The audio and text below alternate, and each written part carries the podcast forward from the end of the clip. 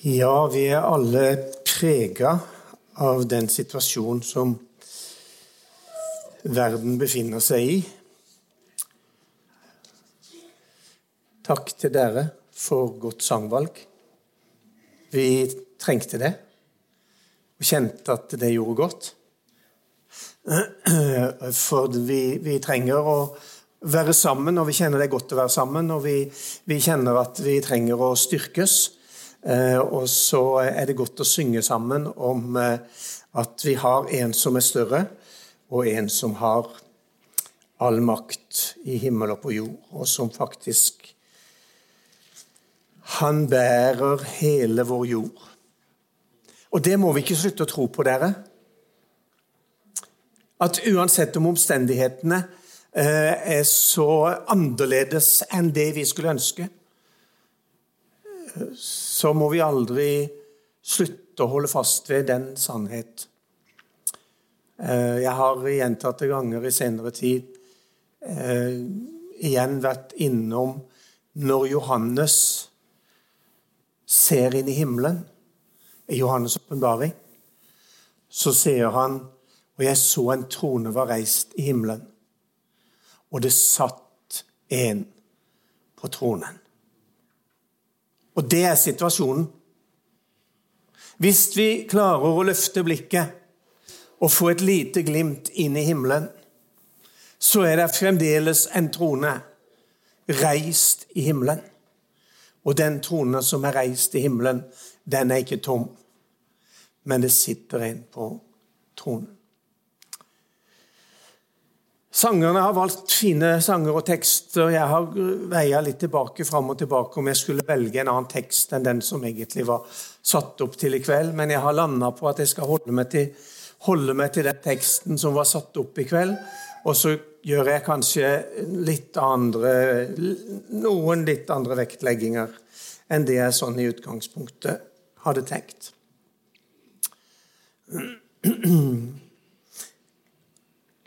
Vi er inne i en tematikk med overskrift 'Fra Gud til mennesker' og 'mennesker brukt av Gud'. Og Det som er satt opp som en overskrift i kveld, det er ifra 'Fra fall til oppreisning'. Men jeg har valgt å kalle det jeg skal prøve å se i kveld, for en ny start. Og så er det Peter som er kveldens historiens sentrum.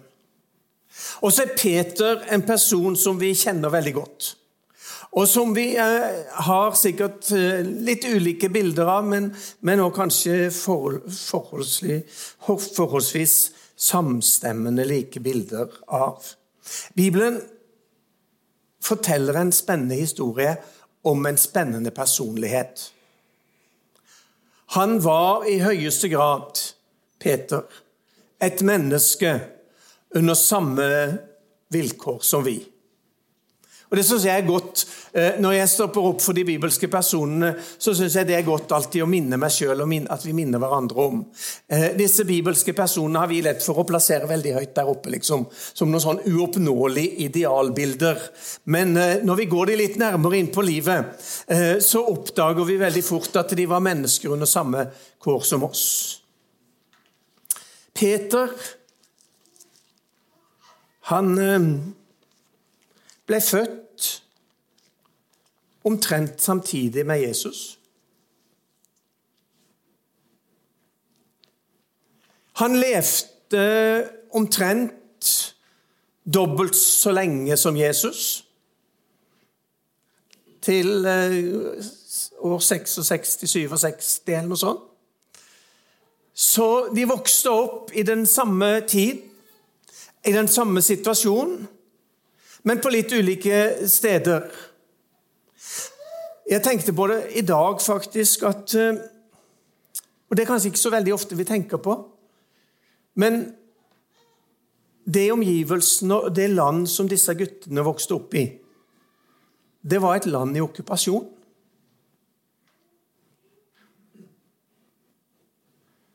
Jeg tenkte litt på det sånn inn i dagens situasjon. De vokste opp under okkupasjonsmakt. Ikke direkte krig og direkte krigføring, men eh, det var noen som var større og sterkere, som hadde tatt landet, og som, og som styrte. Og I denne situasjonen så, så, vokser altså disse guttene opp. og eh, Det første formelle møtet, for å si det sånn, det som er beskrevet for oss kan, Vi skal ikke se bort fra at de hadde møttes før, men det første møtet mellom disse to, altså Jesus og Peter, det skjer eh, ved Galileasjøen. Og så er det sånn at uh, Nytestamentet, Matteus og Johannes, gir to ulike beskrivelser av på hvilken måte de møttes. Og Det er jo interessant egentlig å legge merke til eh, ulikheten i beskrivelsene. Den ene beskrivelsen eh, den er at Jesus kommer vandrende eh, blant fiskerne på stranda. Eh, og Så ser han eh, flere båter som ligger der, og blant annet så ser han båten til eh, Andreas og Simon Peter, brødrene, som fiska sammen. Og Så stopper han opp ved deres båt.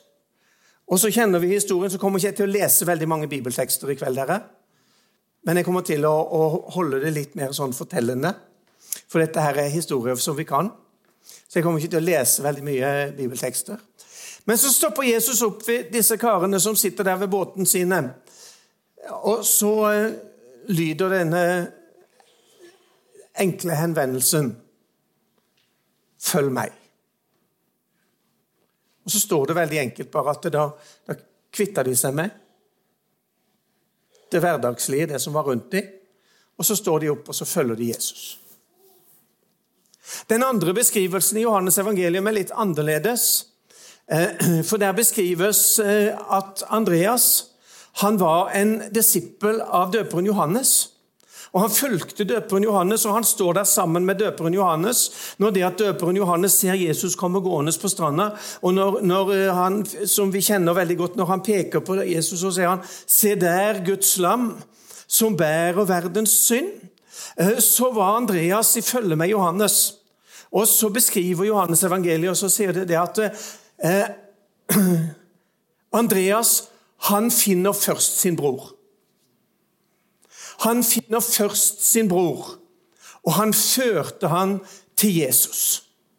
Og når han finner sin bror, så finner han sin bror med budskapet. Han som profetene beskriver. Messias, han har vi funnet. Og Det er en ganske sterk overbevisning på et sånn tidlig tidspunkt. At han hadde klart og tydelig for seg, Andreas, at denne Jesus som går der på Galileasjøens strand, eh, som kommer fra Nasaret og har kommet seg dit Og så har Johannes gjennom sin undervisning fått åpenbart og formidla videre til sine disipler og en av det var altså Andreas. Denne mannen, han er ingen hvem som helst. Han er den som boka beskriver. Han er den som er beskrevet eh, fra begynnelsen av og hele veien igjennom. Han er den som er beskrevet som den som skulle komme. Og så begynner denne mannen, unge menn, et liv, et nytt liv i vandring i sammen med Jesus.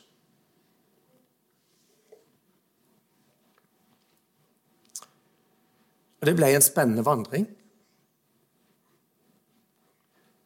Han var jo en spesiell type, da, denne Peter. Ikke sant? Han var, han var spontan. Han var det vi i dag ville ha sagt eh, eh, ekstrovert. Han var utadvendt. Han snakka før han tenkte ofte, og handla før han tenkte ofte. Og, og han, han, gikk på, og ingenting eh, lot han eh, kunne stoppe han, ser det ut som. Og det gjorde at han fikk noen gode og sterke opplevelser. Men det gjorde òg at han fikk noen kraftige nedturer. Han kjørte seg skikkelig på og fikk seg noen skikkelige nedturer. En av de første beretningene som vi leser om Peter, det er jo den som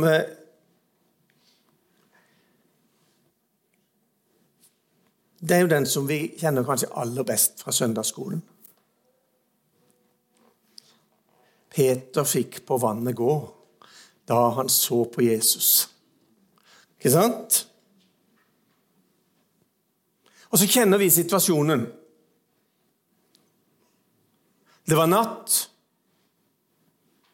Det var mørkt. Det var storm. Og det står at disiplene strevde med ro. De kava og strevde i stormen i mørket på Genesaretsjøen.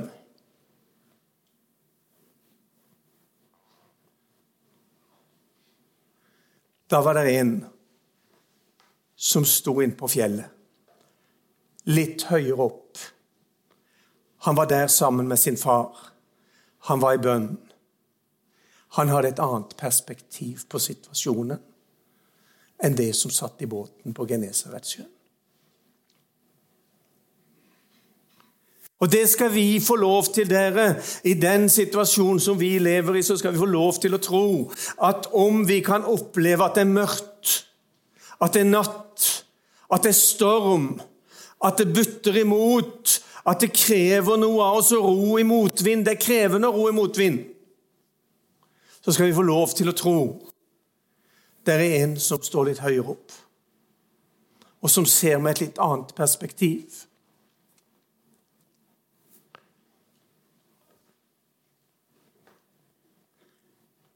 Og så kommer han litt seint. Og det ser ut som at han har en vane, en evne til å komme litt seint. Men han kom ikke for seint. Så kommer han gående på bølgene. Han kommer til oss på mange forskjellige måter, dere. Her kommer han gående på bølgene. Klart de blir redde. Jeg hadde vel aldri sett noen gå på bølgene før. Det har vel ikke du heller. Det er vel ingen av oss som har sett noen gå på bølgene. Så er det noen som oppdager hvem som kommer, og så ser er det er Herren. Er det Herren som kommer, så skal jeg gå han i møte, tenker Peter. Byd meg komme til deg på vannet. Be meg komme. Han stiger over rekka. Han setter seg beina sine ut i stormen, ut i det mørke, og tenker at eh, det er mesteren som kommer, han er mektig.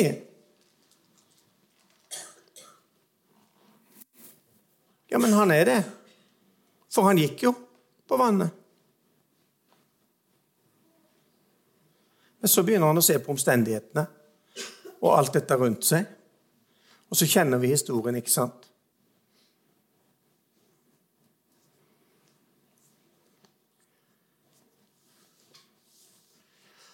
Og så ender det opp i et rop. Herre, frels! For nå går det under.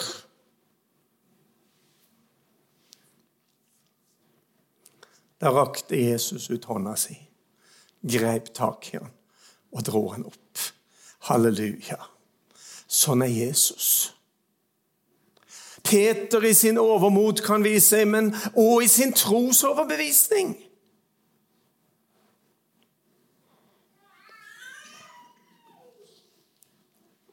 Så kan vi lese litt videre, og så møter vi denne her historien om eh, da Jesus han eh, spør disiplene sine Hvem sier folk at menneskesønnen er? Og så vet vi at de får mange forskjellige svar. Noen sier eh, Elia, noen sier Jeremia, noen sier en av profetene. Men dere hvem sier dere at jeg er? Hvem sier dere at jeg er? Peter er igjen like frimodig. Og kommer med et budskap som Jesus sjøl bekrefter og sier dette har du ikke tatt av deg sjøl, men dette har blitt åpenbart av min far i himmelen. Peter hadde skjønt noe som veldig få andre hadde skjønt. Døperen Johannes hadde skjønt det.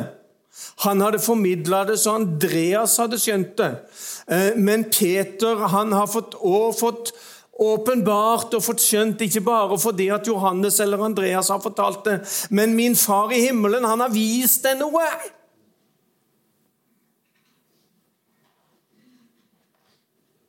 Du er Messias, den levende Guds sønn. På denne klippet vil jeg bygge. På denne klippet, på det grunnlaget, vil jeg bygge min menighet.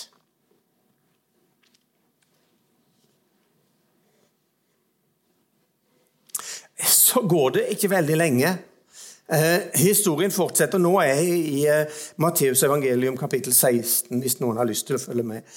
Eh, Eh, jeg har stort sett henta historien nå i kveld fra Matteus evangelium, litt fra Johannes evangelium. Så går det bare en liten stund, og så står det at etter denne hendelsen så begynte Jesus å gjøre det klart for disiplene at han måtte dra til Jerusalem, og at han skulle lide, og at han skulle bli slått i hjel, og at han skulle oppstå igjen på den tredje dag. Da våkner Peter til liv, og så sier han sånn prat vil vi ikke høre. Og så står det han tok Jesus til side for å irettesette han, og for å fortelle Jesus at sånn kan du ikke snakke, for sånn vil vi ikke ha det. Vi vil ikke høre noe prat om at du skal til Jerusalem, og du skal lide, og du skal dø, og alt det der. Det er da Jesus er sånn brutal. Litt brutalt. Han vender seg til Peter, og så sier han, 'Vik bak meg, Satan'.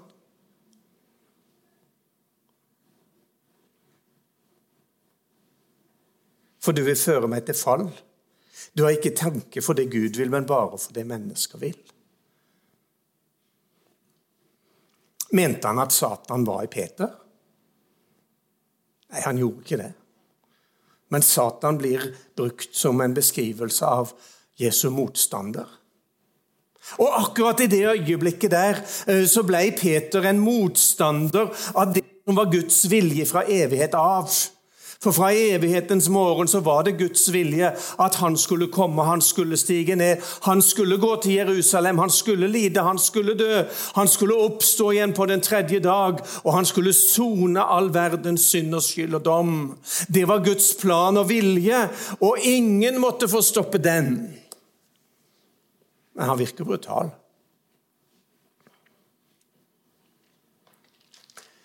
Men eh, det går jo ikke så veldig lenge. Allerede i neste kapittel så står det at Jesus tok med seg Peter, Jakob og Johannes opp på fjellet. Og Når han tar Peter, Jakob og Johannes med seg opp på fjellet, eh, så vet vi hva som skjedde der. Ikke sant? Derfor de ser Jesus i hans herlighet. Og Peter er begeistra, og Peter han tar i, og han eh, sier ja, men her var det godt å være, her var det flott. La oss bygge tre hytter. En til Moses, en til Elias og en til deg. For her vil vi være, for her var det fint.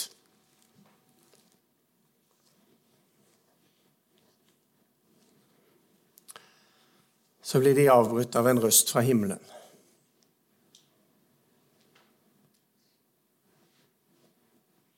Legg merke til denne åpenbaringsstigningen, egentlig, i det som Peter får være med på. Altså, Gud i sin åpenbaringsvilje viser mer og mer og mer for Peter.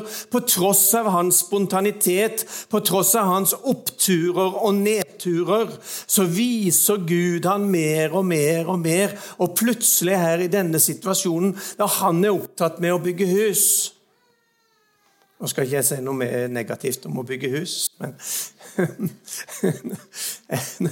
når han er opptatt av å bygge hus, så kommer det en stemme fra himmelen.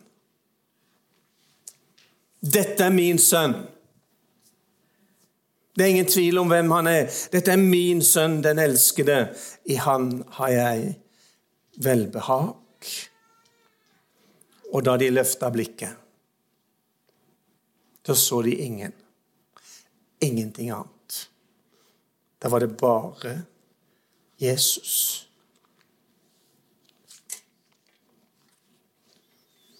Og ifra forklarelsens berg, som vi kaller det, så går det ikke så veldig lenge. Så sitter de rundt nattverdsbordet. Jesus har innstifta nattværen. De har sunget lovsangen. De er på vei til eh, Oljeberget.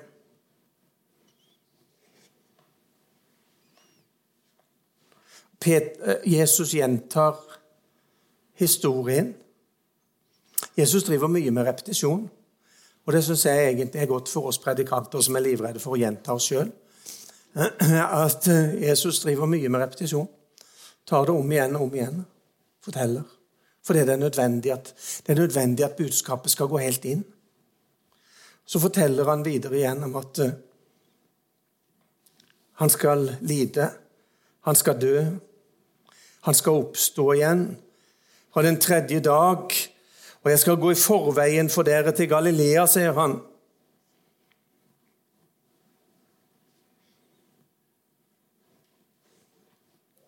Da hever Peter røsten igjen.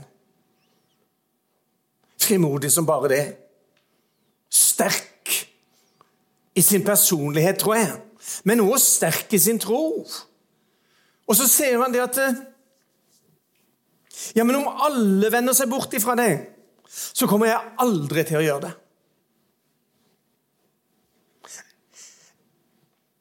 Uansett hva som skjer, uansett omstendigheter, uansett om alle de andre svikter deg Herr gutten sin du kan stole på. Vær du trygg. Jeg kommer til å stå ved din side uansett hva som skjer.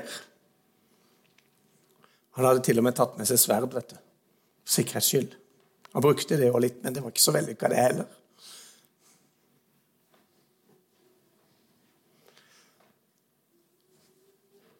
Så svarer jo Jesus det kjente ordet.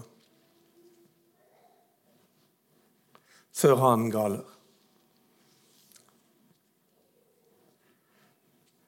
så skal du fornekte meg tre ganger. Peter protesterer, og så sier han, om jeg så skal dø med deg, så vil jeg ikke fornekte deg. Så kjenner vi historien videre, ikke sant? Så skal ikke jeg gå i detalj på den. Når han sitter der noen timer senere i gårdsplassen Han nekter, og han banner, og han forbanner. Og så sier han 'Jeg har aldri sett, aldri hørt, aldri hatt noen ting med denne mannen å gjøre'. Han er fullstendig ukjent for meg. Jeg kan ikke på noen som helst slags måte identifiseres med å ha hatt noe som helst med han å gjøre. Han banner, og han sverger. Det er ganske sterke ord som Bibelen bruker, men det står faktisk det. Og så sier han, 'Jeg kjenner ikke denne mannen'. Han som han hadde møtt ved Galileasjøen. Han som hadde redda han opp av sjøen i stormen. Han som hadde vist sin herlighet for han på fjellet. Han som han hadde fått vandre sammen med og sett under og tegn og mirakler og hørt undervisning og forkynnelse om Guds rike, om det som skulle komme.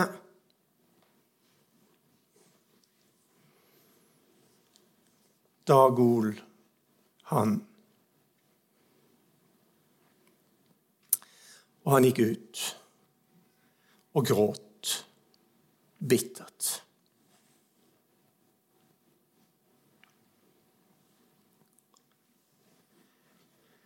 Fra fall til oppreisning, eller fra oppreisning til fall. Et menneske under samme vilkår som vi. Det er ikke sikkert at alle oss her er like utadvendte, spontane. Frimodige og på i enhver situasjon. Men jeg tror vi alle sammen har opplevd Og det er herlig når han tar oss med på fjellet. Det er jo det. Når vi får lov til å være med Jesus på fjellet og oppleve å se at han åpenbarer og viser sin herlighet for oss. Jeg håper og jeg tror at vi alle sammen har vært der.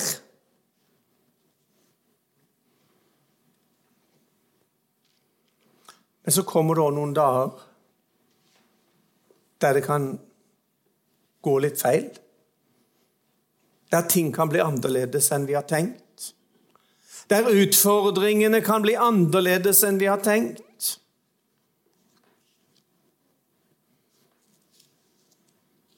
Sånn ble det for Peter. Men historien slutter jo ikke der. Vi som sitter her i kveld, vi er jo altfor dyktige bibellesere og kjennere til at vi slutter historien her. Han måtte lide. Han måtte dø. Men som han hadde sagt, så oppsto han igjen på den tredje dag. Dere, det blei sånn som han hadde sagt. Det òg skal vi få lov til å ta med oss i kveld. Når det er Mesteren som taler, eh, så er det ikke bare tomme ord. Det ble ikke sånn som Peter hadde sagt. Han sa litt av hvert, han som ikke ble noen ting av. Men det Mesteren hadde sagt, sånn ble det. Det skjedde sånn som han hadde sagt. Han sto opp igjen på den tredje dag. Og når de første kommer til grava, så får de beskjed om Send en spesiell hilsen til Peter. Halleluja. Det er Jesus, det. Det er Jesus, det. Han som hadde tryna så fullstendig og gått så i bånd og gått så hardt ut. Og bekjent så høyt og falt så dypt. Vi skulle vel tro at menneskelig sett så var alt håp ute. Jesus var vel ferdig med Han hadde vel lært han å kjenne, han hadde vel satt sin stempel på han for lenge siden og sagt at han der er ikke mye til kar å stole på. altså. Det tror jeg hadde vært min konklusjon. i alle fall. Vi er ganske kjappe til å vurdere hverandre og vurdere folk. ikke sant? Og så setter vi et stempel på oss tenker vi, han der er ikke noe mer å satse på. Ingenting i han. Men det er en som ser dypere enn vi gjør. Heldigvis. Det er en som ser lenger inn enn det vi gjør. Heldigvis. Herren så til hans hjerte, og så ser han send en ekstra hilsen til Peter. Han trenger en ekstra hilsen. Og kanskje du sitter her i kveld og trenger en ekstra hilsen fra Jesus.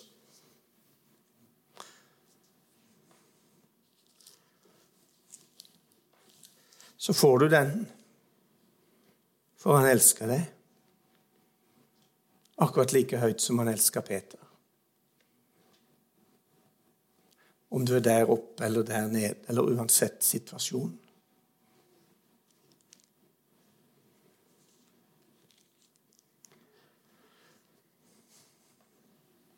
Johannes evangelium. Skulle ha slutta med kapittel 20. Det er ingen tvil om det. Johannes evangelium kapittel 20 har en helt naturlig slutt. For der skriver Johannes og sier det at eh, mye mer enn det som er skrevet om Jesus, kunne vært skrevet. Men dette er skrevet for at dere skal tro, og for at dere ved troen skal ha liv i Hans navn. Og så punktum. Det er en helt naturlig avslutning. Men så kjenner vi boka så godt, de fleste av oss som er her, og så vet vi det at der kommer et nytt kapittel. Og det begynner på følgende måte. Siden åpenbarte Jesus seg enda en gang. Halleluja. Hvorfor gjorde han det?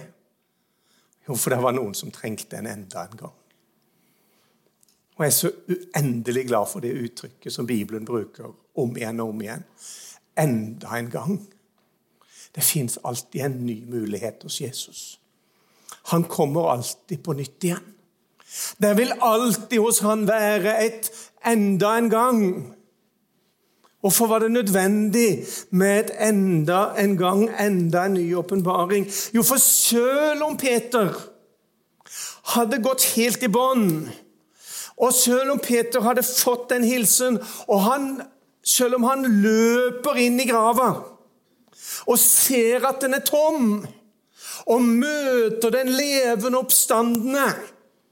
Og har opplevd kanskje det største og det sterkeste som noe menneske kan oppleve med å møte den levende oppstandende Jesus Kristus.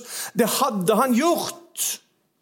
Men allikevel så kommer det en dag like etterpå, og så snur han seg til broren sin, og så snur han seg til kameratene sine, og så ser han, 'Dere' Jeg tror ikke det er noe mer i dette likevel. Jeg går for å fiske.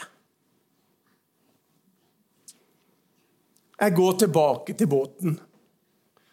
Det var så flott når det sto på. Det var så flott så lenge det varte. Det var så fint å se at han til og med sto opp igjen ifra de døde. Men kan det være noe mer i dette her, da? Jeg går tilbake for å fiske.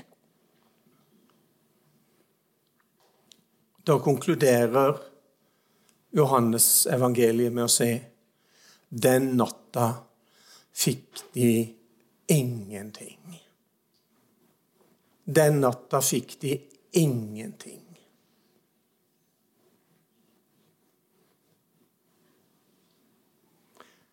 Men så slutter det ikke der. Men så fortsetter historien med å si Men da det led mot morgen, sto Jesus på stranden.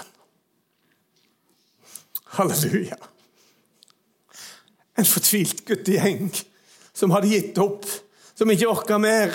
Som tenkte nå går vi tilbake til fiskebåtene. Det er slutt. Vi har forspilt våre sjanser, vi har forspilt våre muligheter. Vi kan da fiske. Vi har da fiska fra vi var smågutter. Vi vet nå åssen det skal gjøres. De strever hele natta og de får ingenting. Men da det led mot morgen, sto Jesus ved stranda. Og det var ikke bare han som sto der, men han hadde gjort opp et bål. Han hadde tent opp en ild. Han hadde gjort det klart. Og så sier han, 'Har dere fisk?' Nei. Kast garnet ut, så skal dere få fisk. Dette har de vært med på før, ikke sant? Vi har lest om det før i evangeliet. Akkurat samme historien. De kjente det igjen. Kast ut garnet på den andre sida, så skal du se. Så får de så mye fisk. Og når de drar garna i land, så eh, legger Jesus fisken på glørne, og så ser han Gutter, Kom hit. så skal dere få mat. Så gikk Jesus fram, tok brødet og ga dem. Og det samme gjorde han med fisken. Kom til måltid. Herren kaller. Smak og se. Og så herlig allting er ved Jesu bord. Han så situasjonen. Han kjente de. Han elska de. Han så at de trengte en ny åpenbaring. Siden åpenbarte Jesus seg enda en gang. Og dette var tredje gangen han åpenbarte seg. Etter at han sto opp fra de døde. Og Så kommer det som egentlig er teksten, og det vet jeg jammen ikke om jeg har tid til. For etter at de hadde spist, så kaller Jesus Peter til seg, så sier han Kom her, Peter. Jeg har noe å snakke med deg om.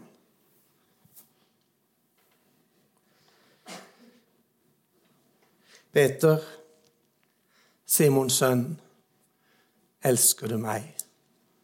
mer enn disse. Kan du tenke deg situasjonen? Han som hadde vært så kraftig høy i sin bekjennelse. Gang etter gang. Han som hadde falt så dypt og fornekta og banna og sverga på at han ikke kjente denne mannen. Nå står han ansikt til ansikt med den oppstandende. Og så er utfordringen Simon, Jonas' sønn, elsker du meg mer enn disse? Ja, Herre, du vet at jeg har deg kjær. Og Så går Jesus på, så kjenner vi historien. ikke sant? Så spør han andre gang. Og Så er det noe innholdet her i at bruker, de brukes ulike ord som forsterker og forsvaker dette kjærlighetsforholdet. Men jeg skal ikke bruke tid på det nå i kveld inntil han i tredje spørsmålet bare kapitulerer. Peter og sa, 'Herre, du vet alt'. Herre, du vet alt. Du vet at jeg har deg kjær. Så fikk han i begynnelsen oppdraget når han er sterk i sin bekjennelse og sier 'Du er Messias, den levende Guds sønn', så får han oppdraget fra mesteren. Og så kan det se ut som at alt er forspilt. Men i denne spørsmålsstillingen her så ser vi at Jesus betror ham. Han gir ham det største betroelse som noen kan få. Først så sier Jesus til ham Vær gjeter. Nei, først så sier han Fø lammene mine. Gi mat til lamma mine. Neste gang så sier han Vær hyrde for sauene mine. Og til slutt så svarer han, så sier han Gi sauene mine mat. Hva er det som skjer? Jo, Jesus betror han ansvaret for sine egne. Han betror denne svikefulle mannen å være den som skal stå med ansvar for å ta hånd om og verne og gi mat til det dyrebareste som Herren hadde. Siden åpenbarte Jesus seg igjen. Og så er han her hos oss i kveld med en ny åpenbaring av sin storhet og sin kjærlighet. Herre, vi takker deg for at når det kan se mørkest ut, så ser du fra et annet perspektiv. Og så kommer du men aldri for seint. Herre, takk at om det går i stykker for oss, og det feiler for oss, og om det ser mørkt og håpløst ut, så står du på nytt ved stranda med åpne hender, med en åpen favn og med et veldekka bord. Priser ditt navn for at du er den du er.